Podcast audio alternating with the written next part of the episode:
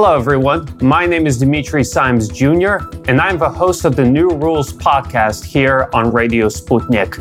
Our podcast aims to look at the historic trends that are transforming our world and bringing about a more multipolar world order. Of course, we look at rising major powers like Russia, like China, India, Brazil, but we can't forget to talk about the United States, which since 1991 has been the undisputed global superpower, both economically and militarily. To better understand what sort of transformations the US military is going through and what the conflict in Ukraine and tensions for Taiwan may mean, we have a very special guest with us here today, Lieutenant Colonel Karen Kwiatkowski, a longtime veteran of the US Air Force and someone who was an analyst in the Pentagon right in the lead up to the US invasion of Iraq in 2003. So she really does have a broad and unique experience on how the United States military operates, its strengths, and some of the challenges it faces. Karen, so great to have you on the program. Great to be here. When we last talked to you back in March, we were commemorating the 20th anniversary of the US invasion in Iraq. And now there seems to be consensus, even among most American analysts, mainstream, alternative, you name it, that this whole adventure was a geopolitical blunder and a humanitarian catastrophe. But I think that a lot of our audience members are looking at the situation in Ukraine, are looking at the situation in Taiwan, and they asked the question how much did Washington really learn from this whole adventure, this whole debacle? Yeah, that's a good question. It seems to me that the politicians and the top brass of the Pentagon, what they learned was how to suppress intelligence that they didn't like. They learned how to do that more efficiently. That's the opposite lesson they should have learned. You know, the hope was that after 2002 and 2003, the lies that were processed and um, published as truths, many of it originating from our intelligence uh, services and how they uh, how those could be manipulated. That the lesson they learned should have been how do we make our intelligence um, more honest and more useful to our to our leadership, to, to our decision makers. How do we do that? Instead, they learned how to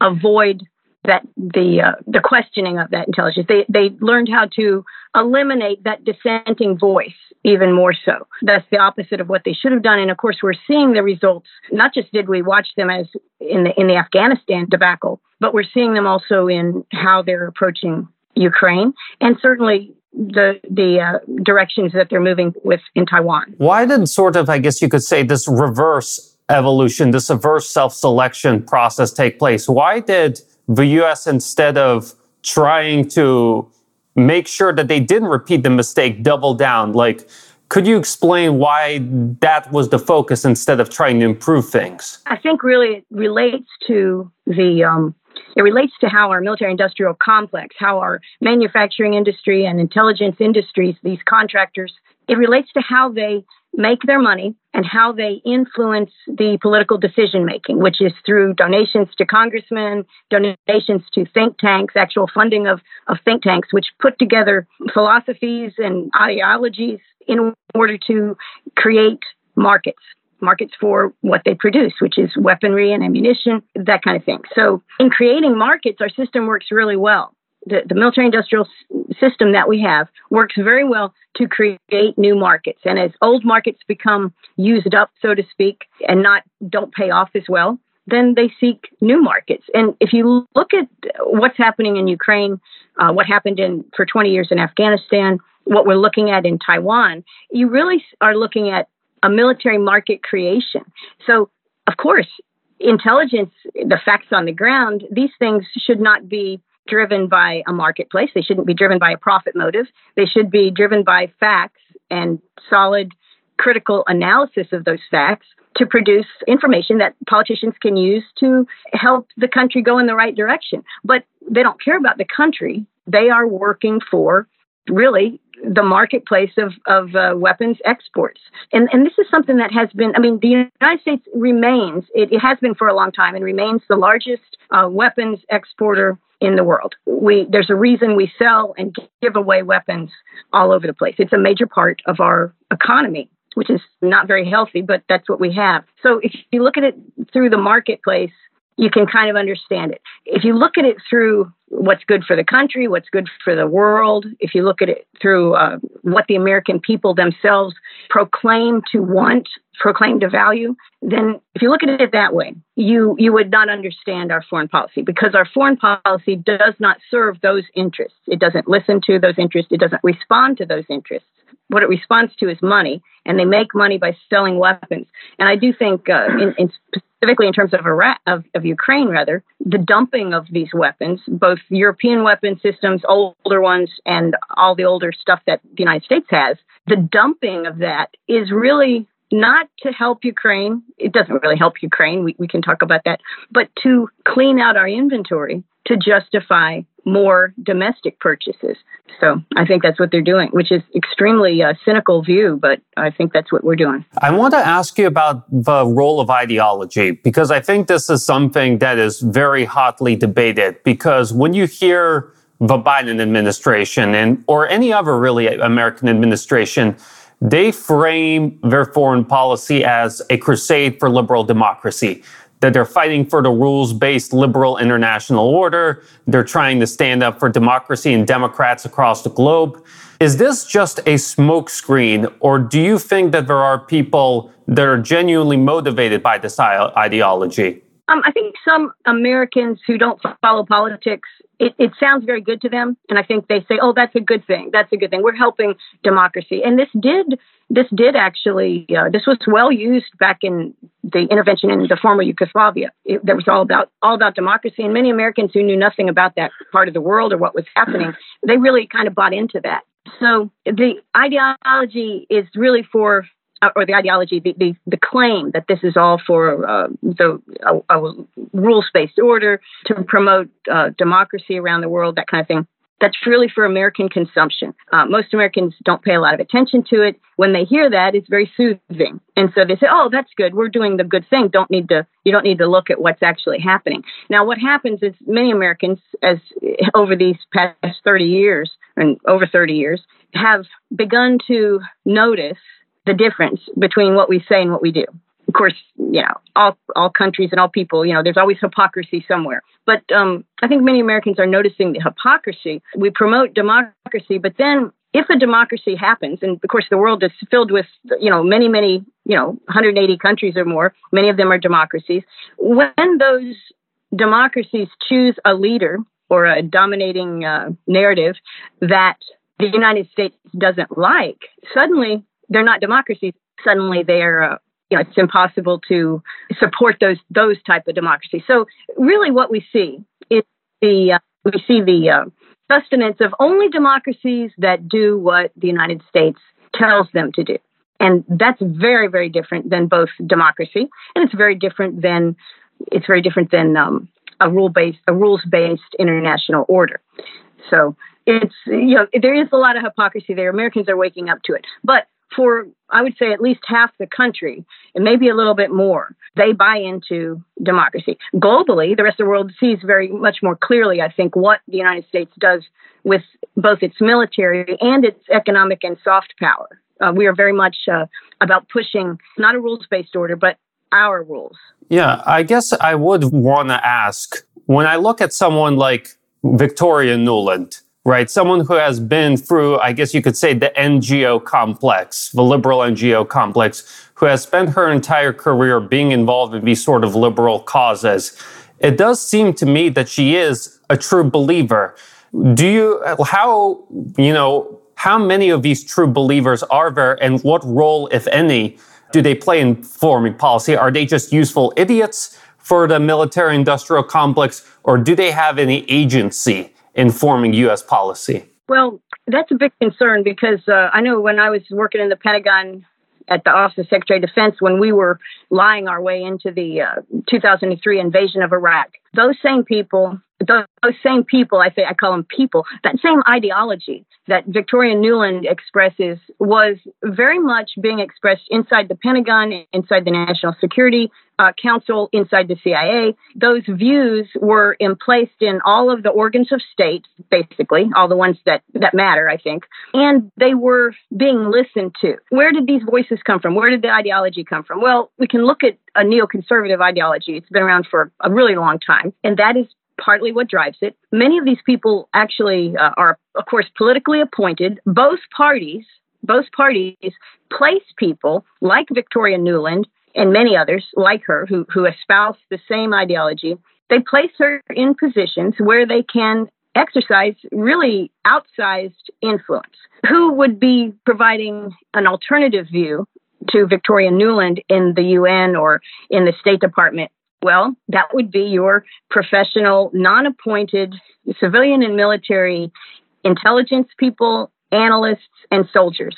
To soldiers, airmen, those kinds of people, people that have experience in, in war making, I guess. And those people have no voice. They are not public. They are not public on purpose because they are part of the bureaucracy. They're part of the professional cadre of, of servicemen and women, and they don't have they don't have uh, they really they are really denied agency, but they're denied agency by, by design because we have a civilian kind of political leadership. We elect our president and we say, Mr. President, you can you do foreign policy. You're you are the guide. You're the head person for our how our country behaves in the world. And who is who is he listening to? Well, he's listening to Victoria Nuland. He's listening back in the day to Paul Wolfowitz. He's he's listening to Dick Cheney. He's listening to people that do not in any way represent the views of most Americans, um, and also people that not just have an ideology but have a personal agenda. In terms of Russia, a personal agenda that is extremely focused on um, anti-Russia policy. Uh, they have it's almost like uh, what a cowboy would say. They have a burr under their saddle about Russia. Now, why that is, we don't have time to go into it really in 30, 40 minutes, but but it's there and it's evident. And those people are given a voice, and they have been consistently given a voice, even since the Reagan years. And I don't consider Reagan a neoconservative, but he certainly employed many of them in his advisory uh, capacities, his appointments. So this group, it's very small, but it's very powerful because of how it's in place and who listens to it. This is, I think, really interesting because I think that if you were to ask most of our audience members, when they think of the military industrial complex, uh, they would think of the generals as being the ones po- pushing hawkish foreign policies. But from what I'm hearing from you, the professional military types in the United States tend to be more cautious. And it's sort of the politicians that are pushing the charge for the most confrontational policies yeah. Well, that's certainly what what I've seen in really in my whole adult lifetime, and it makes sense too. If you think about, uh, well, go all the way back to Eisenhower. Well, his famous speech, his farewell speech, but also some of his other speeches during his presidency in the 50s. This is right after the the uh, World War II ended. They were very cautious. They were very pro peace, and I think to be pro peace is really something that you will find, you do find in most qualified military people, whether it's enlisted people, mm-hmm. career people, reserve people, and of course our flag officer cadre, our generals. Now there is a difference today that there wasn't before, and that is the massive growth growth of the military industrial complex, this contracting industry of producing weaponry and intelligence and technology all used for war. They do hire. There's a revolving door which we've all talked about a revolving door, but they they hire very predictably former military people of all ranks, but certainly they uh, like to get flag officers, uh, generals, and admirals to, once they've retired, to come over into their corporations. And why do they hire these people? They hire them to gain business share. They hire them to advertise their product. They hire them because they still have friends, contacts, subordinates who work in the active military and and they can they can sway the decision making. So this is a very business decision. Um, our generals and our, our, admirals that are promoted um, very often seek these kinds of positions. Not all of them do, but many of them do. And of course, the prime example of this is is the current the uh, Secretary of Defense. His name escapes me. Recently appointed, but they the Congress willingly, almost well, overwhelmingly voted. The Senate overwhelmingly voted to waive, I think, a five or six year waiting period because he had been employed in the executive suite of Lockheed Martin or one of these big companies. And I don't I don't have the details at, at my fingertips, but this is a prime example of how the system works. Um, the, the industry hires the people with connections and influence into the industry, and then sometimes they go back to make the decisions. The Congress, while it says it tries to control this, in fact does not try to control it because they are largely owned or dependent on many of the donations that come from the military industrial complex. So, as we saw, the Senate said, oh, it's okay. We don't have to wait five or six years uh, for him to, uh, before we put him in as the uh, Secretary of Defense. We can just waive that. And they did. They voted overwhelmingly. There were, in fact, I don't think there were, there were very few, um, if any, dissensions in the Senate to, to waive that requirement. So, our government, as it's set up, and our industry and our Pentagon is not interested in changing. They are interested in doing exactly what they've been doing. And of course, uh, if you want to talk in the long term, this is a big problem because it's it's a failing and failed system. There's no doubt about that. We're we're beginning to see it now. And I mean, I guess so. In the sense that over the global war on terror, we've seen the U.S. military-industrial complex co-opt more and more of the military by hiring these professional officers, buying them off and getting them in sort of this pipeline so that there are fewer and fewer people that would be willing to speak up and, you know, try and put a patriotic agenda, a genuinely pro-American agenda instead of a pro-business, pro-complex agenda.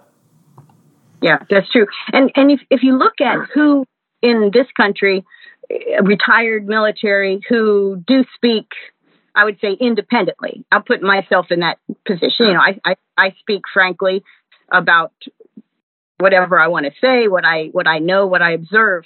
There are a few others uh, that do that. Um, Colonel Macgregor is one. There's, there's a number of other uh, Scott Ritter, these kinds of people. But as, as you will notice, none of those people are working for the military industrial complex. They don't work in any capacity with any neoconservative think tanks, any pro intervention think tanks. They don't uh, work for Lockheed Martin or Raytheon. They aren't being appointed to work for any of our politicians, whether it's Republicans or Democrats.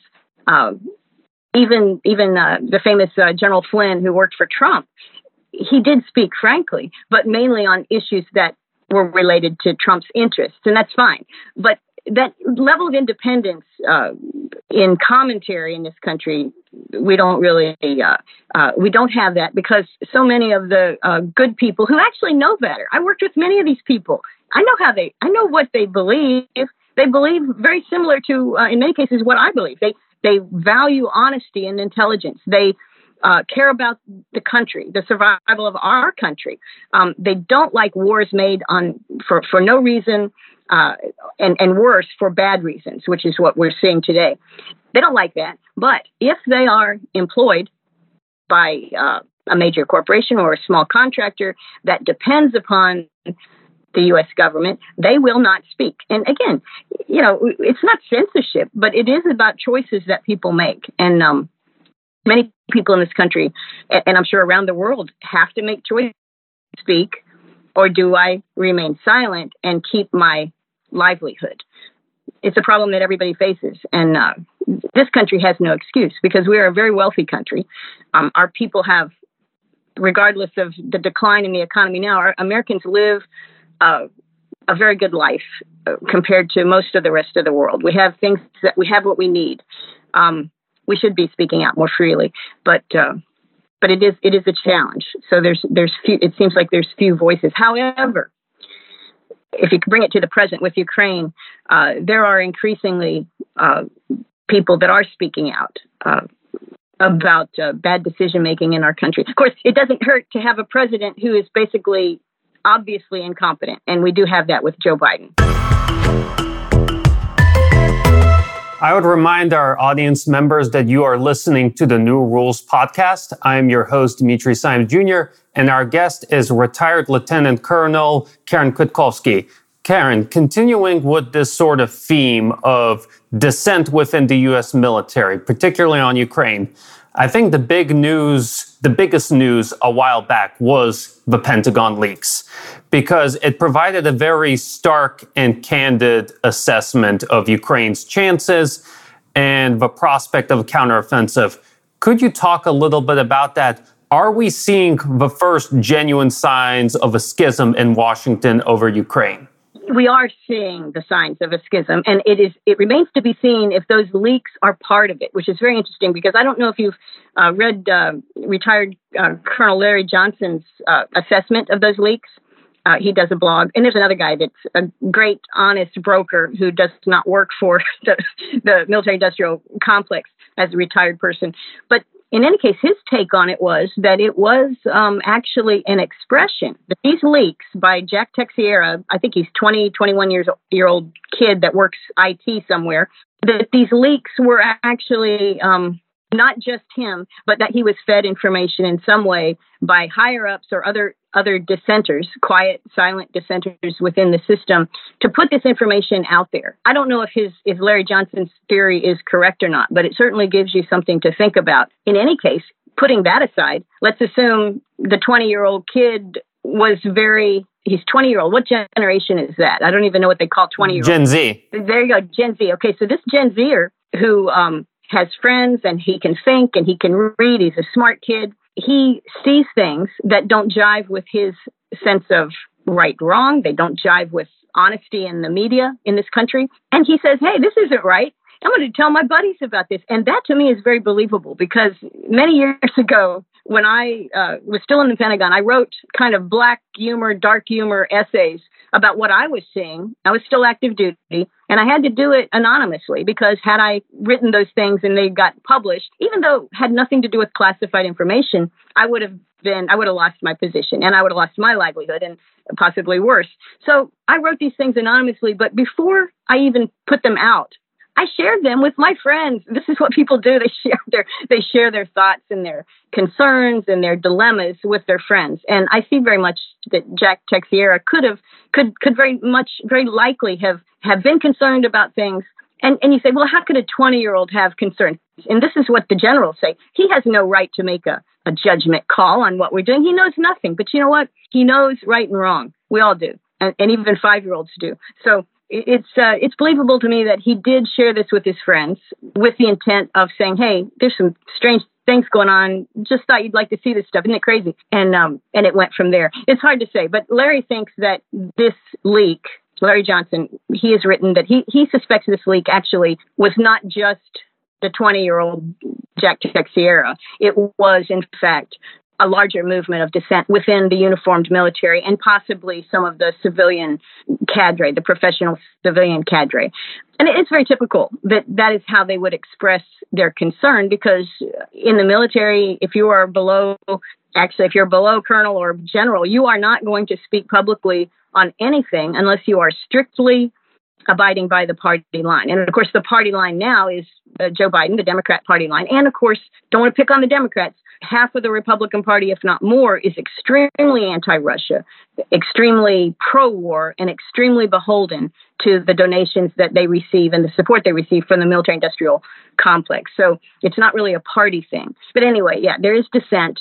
That those leaks were very important. Now, I'm going to say this people who have paid attention to global sources of news regarding events in Ukraine, Russia, that kind of thing. None of nothing in those leaks was remotely surprising.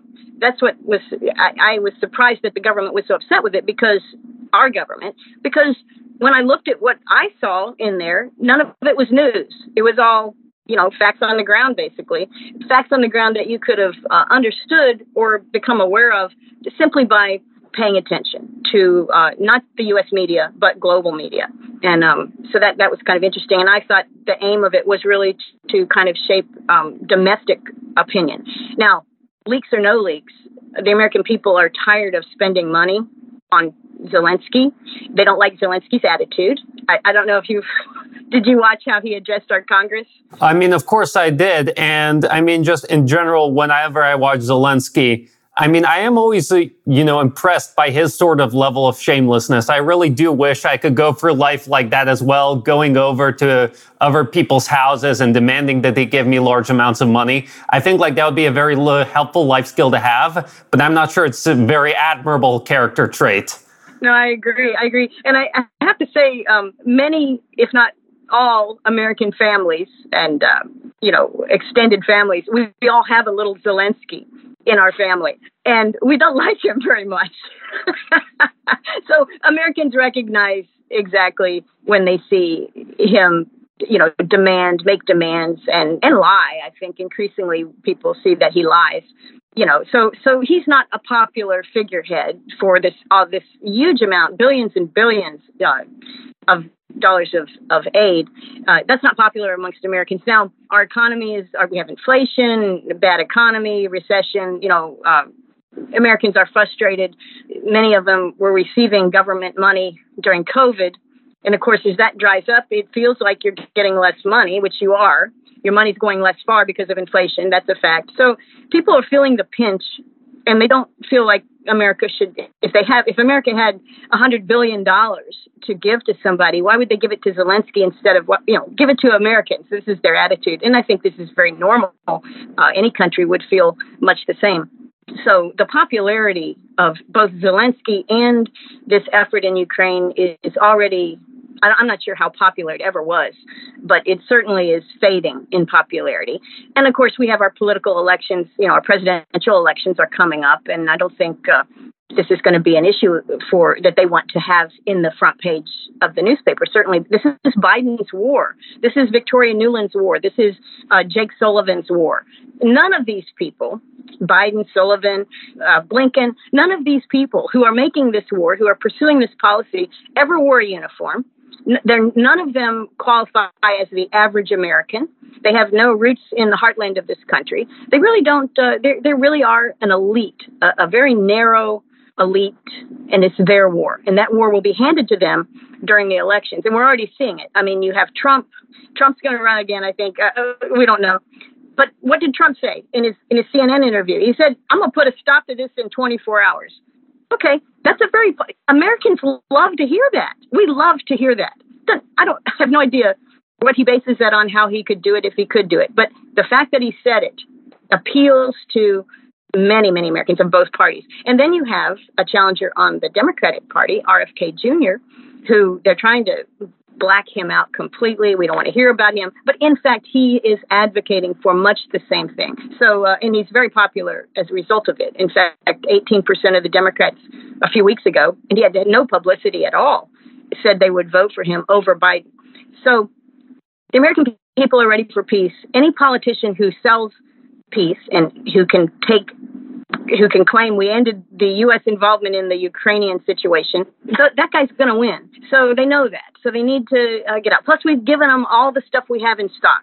you know, we've cleaned out our inventories. It certainly pleases the military industrial complex in this country because they see dollar signs. Because now we don't have this stuff. Well, we have to replenish our our stores, right? So, so we demand our our share of the uh, uh, U.S. federal government budget. We demand our share. You see, we have to have it because we have nothing. We gave it all to Ukraine. It's a great it's a great strategy. Of course, it's again, I'm I'm being I'm pretty cynical about this whole thing because the Ukrainians and the Russians that have died, and particularly since the war is being fought on Ukraine Ukraine's territory, it's not just that people die and buildings are destroyed, industry is destroyed. You have pollution, you have devastation, you have destruction of families, you know, destruction of wealth.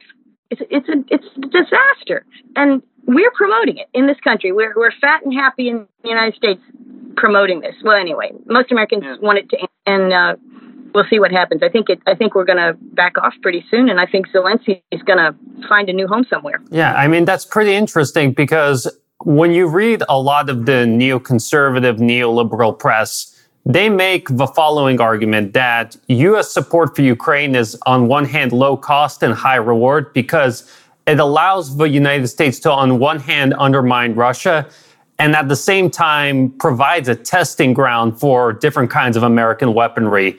What do you make of that argument? Does the United States get anything out of supporting Ukraine that genu- genuinely benefits the U.S.? In terms of genuine benefit to the U.S., I would say no.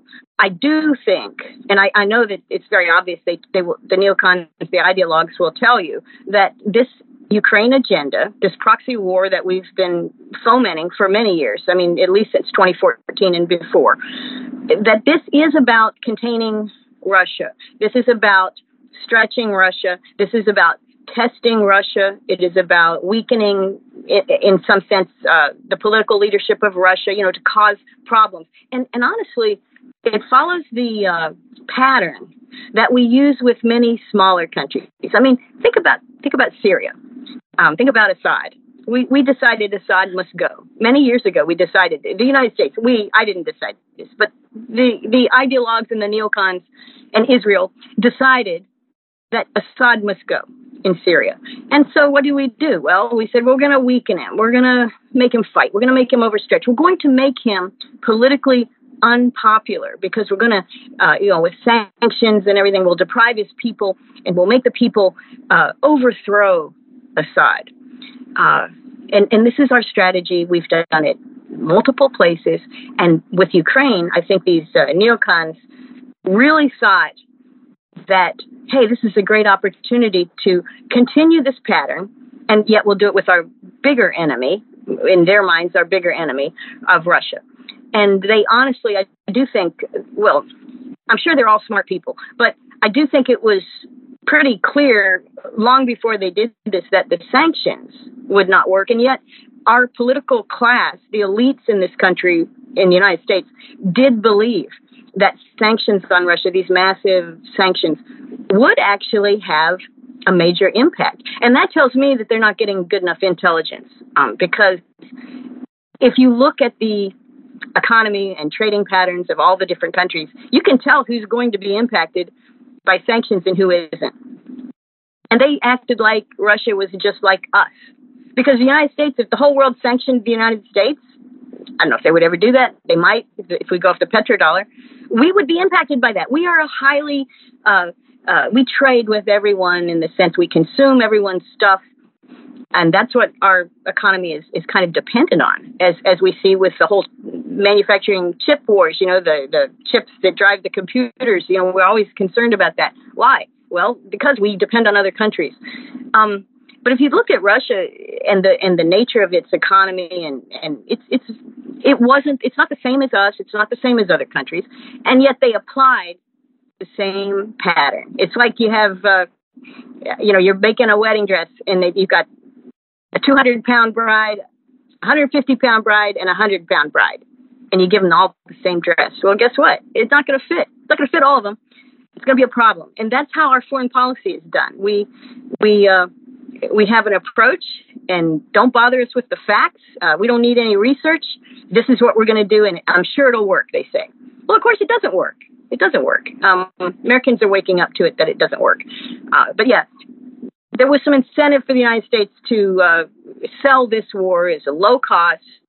We can contain Russia. We can we can uh, destabilize uh, Putin's regime. You know, we can do all this stuff. And what it was based on is uh, fantasy. It was based on fantasy, and there's no excuse for that because they are smart people. They chose to not listen. You know, and and again, don't we all in all of our families and our extended families have somebody who's very smart but doesn't listen. And this is what we see with uh, the people that lead our country. Uh, it's a big problem. You mentioned that it, there are some parallels between the Syria playbook. And I do think that for a lot of our audience members, that's going to be a disconcerting parallel because in Syria, it started as sanctions, followed by proxy war, followed by US boots on the ground. Should do you have any concerns that the people making decisions in Washington could at some point try and put boots on the ground in Ukraine? And if so, what kind of circumstances could that happen under? Well, we do have boots on the ground in some sense in Ukraine already. That was one of the things I think that was uh, revealed in the leak, and and their their uh, trainers, people that that uh, are associated with some of the equipment packages that we've sent over there, and also uh, uh, security for different issues. And of course, they said they sent over some uh, people to monitor how the equipment was used, some accountants or whatever. But the step that we took in Syria, troops on the ground, military bases, we we were seizing oil, which we're still pumping out of nor- out of I think northern Syria. We're still pumping Syrian oil and selling it as if it was American oil. We're doing that. We were doing that before, and of course that's stealing and it's wrong. But it is financially profitable as long as you can get away with it, right? I mean, there was an incentive there. And the number of troops in the military bases there was um, stable and contained into that into that area, basically protecting the stolen oil fields. So it was a very focused use of troops on the ground and also very uh, secretive. Most Americans have no idea to this day that we have been stealing Syrian oil for years and protecting that theft with U.S. Mil- uniformed military. Most Americans still don't really understand that. So that's that's the serious thing. To see something like that in Ukraine, first off, would imply that there's something we, the United States military, the United States politicians, want to protect in Ukraine, and that, and it's an American thing. So, what's it worth? What's it worth? What's the what's the um, financial incentive to send troops on the ground to protect a part of Ukraine? Would we protect Kiev with Zelensky? I doubt it. Would we protect um, the agricultural areas? Well, I certainly doubt that since the Americans produce, America produces, you know, this is a competitor. The grain and sunflower, this is a North American product as well. So we don't gain. We don't gain advantage in the marketplace by protecting Ukrainian agriculture. Um, and certainly the the Polish and rest of Europe doesn't like, Ukrainian dumping of their agricultural products. So nobody's really going to go put boots on the ground to protect Ukrainian agriculture. We're not going to protect their politicians. We're not going to protect their agriculture. Does Ukraine have have uh, natural resources that we might want to get? They might have some. They did they they did transit uh, Russian oil and gas, but we made sure that wasn't going to happen either. We're trying to to make Europe, and we have, I think, made Europe uh, much more dependent on North American energy than they were on Russian energy. That was an objective of this. So I guess what I'm walking through is there's no need to put troops on the ground in Ukraine. There's nothing to protect in Ukraine. There's nothing that makes us money in Ukraine. The whole purpose of our aid to Ukraine in this proxy war is about containing Russia angering Russia, destabilizing Russia, whatever. Most of that hasn't worked, although I, I imagine Russia is angered. They're not destabilized and they're not impoverished and they haven't been weakened. In fact, Russia hasn't even used their their main military forces. I mean, this has mostly been. I, I, saw a headline the other day. I mean, NATO just got defeated in Bakhmut by a private military corporation run by a run by a culinary chef. I mean, this is crazy. So anyway, I don't see troops on the ground in a practical way. Now, I also don't see troops on the ground, U.S. troops on the ground, uh, being able to be justified uh, to the American people. Um, the politicians love proxy wars because they don't have to claim that it's a war. They they can deny it, and it doesn't touch American people because we don't have our kids coming home. One of the reasons we knew that Afghanistan was ending long before it did was because we rotated troops on the ground in Afghanistan for two decades, and in Iraq as well. And these guys and gals would come home and tell their, you know, they'd, they'd come home and they'd talk to their friends and their family. And they would sometimes do newspaper articles on a return, you know, here's a soldier returned from the battlefield. Okay. And what did he say? He said, it's not what you think. This is, this is a waste. They, it wasted my life. They've deformed me. They've I've, you know, I'm now I'm dependent on drugs or I have psychological problems. It, it's not a positive story. That's the problem when you send troops over to these stupid wars. They come back and tell the, the truth because they're they're upset. They don't care. They tell the truth. They're not defending American foreign policy. So I can't see. Uh, in fact, the, what we're already seeing to some extent is with the American volunteers.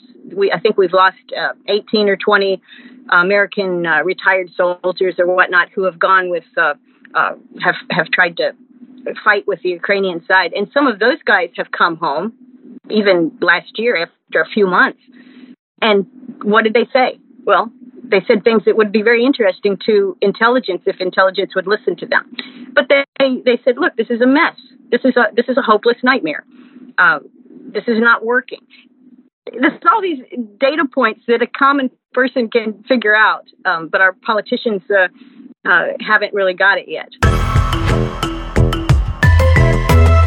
I just want to remind our audience members that this is Dimitri Simes Jr.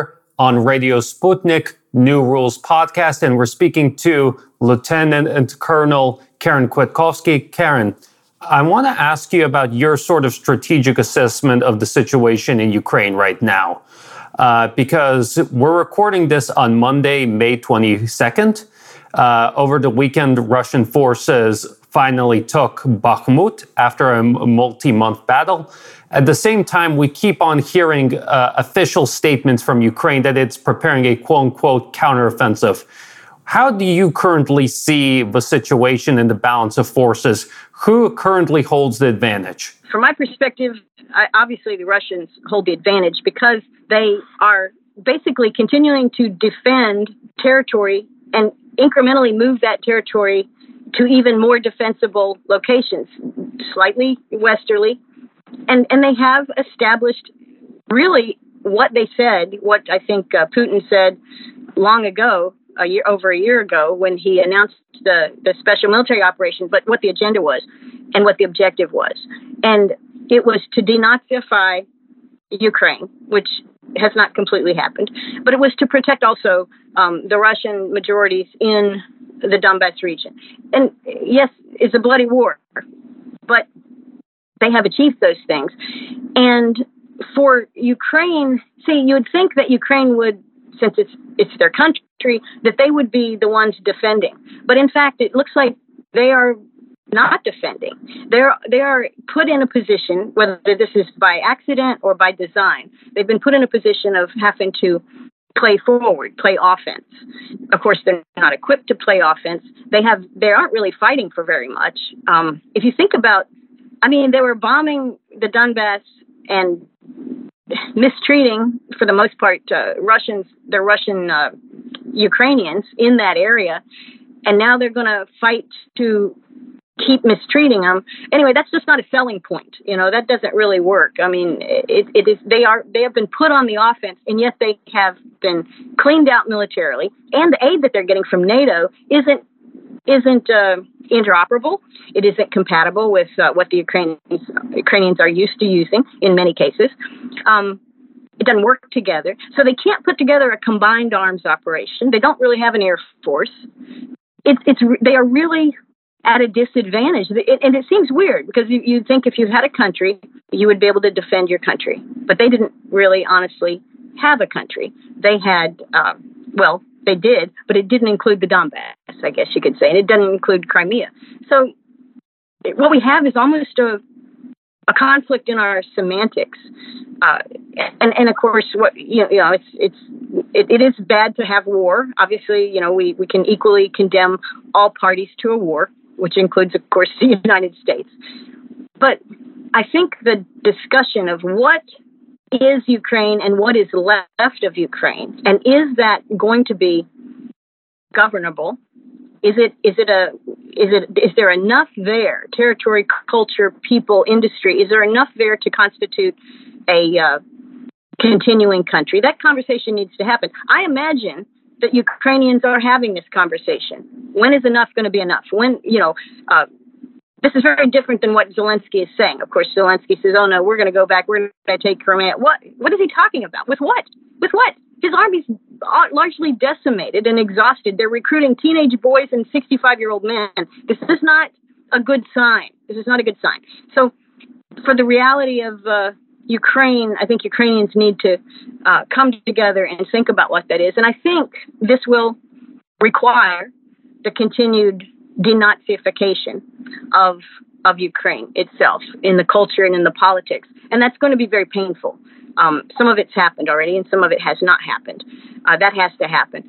Uh, but that's the strategic. My my prediction, and I actually wrote this um, several months ago. But I actually see a, a you know, a rump state, a small Ukraine, um, possibly involved in NATO, and as well, in, in addition to that, a demilitarized zone of some sort um, between the Donbass and this other part of Ukraine. Now, I don't. That's just uh, one pattern, one one example of what could happen. I mean, what could happen if if uh, Zelensky is not uh, either changed out or changes his mind, whichever the case, uh, whichever comes first.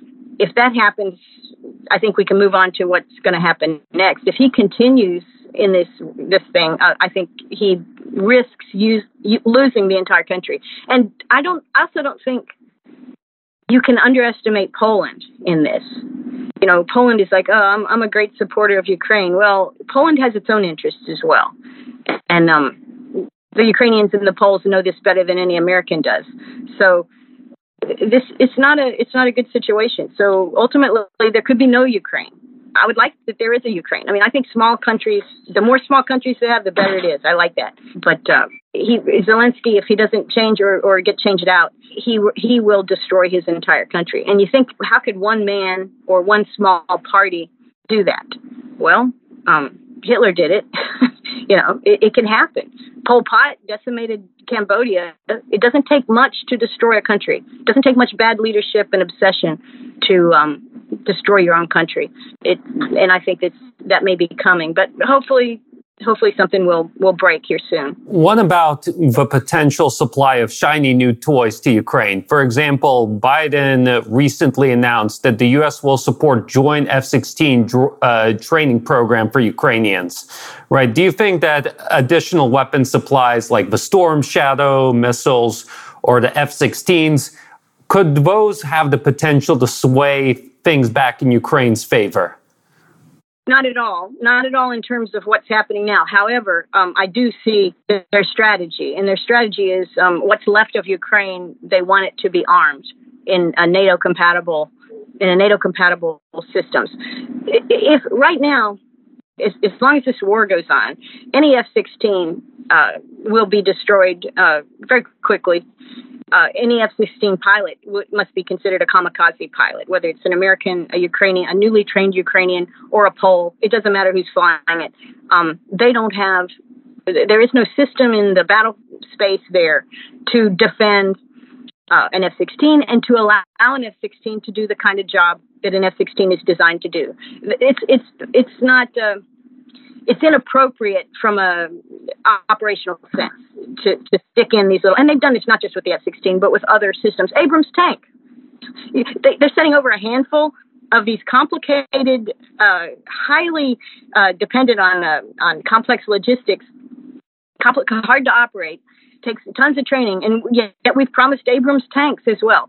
So on the battlefield, none of these systems make any difference. They just uh, get blown up.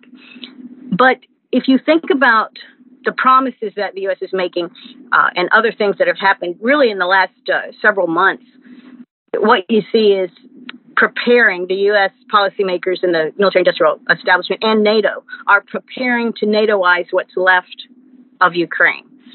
And that's really the question. Where will that line be? Uh, where will where will the NATO member Ukraine be? Uh, will there be a de, you know a demilitarized zone, or will Ukraine be completely crushed and we will be the the, the east west line will be the Polish border? Um, I don't know what what they really want, but I do think these um, weapons that they've so-called promised, and of course they're not delivered yet, Abrams or F-16s, not in any way, shape, or form. Training's not done, any of that. But I think that is speaking to the next phase of what the Americans think. And I, I think politically, Biden expects to put this to bed before the campaign really gets started for president, assuming he's going to run, which he has said that he is. Um, so they they want they want Ukraine on the back burner, tied with a bow. It's not our problem anymore, even though we largely created and fomented this problem. And again, it's like so many things in this country. Our government does terrible things. People know about it at the time, and more people find out after the fact. And guess what? Nobody is punished, and nobody is punished. So we will probably see the same kind of thing. I think uh, in our domestic media, finally, finally, a criticism of the FBI, a report on FBI malfeasance.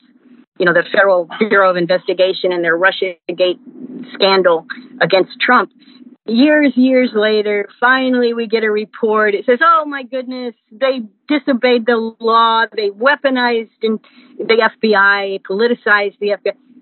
Yeah, we all knew that. We all knew that. And now, now what's going to happen? Nothing.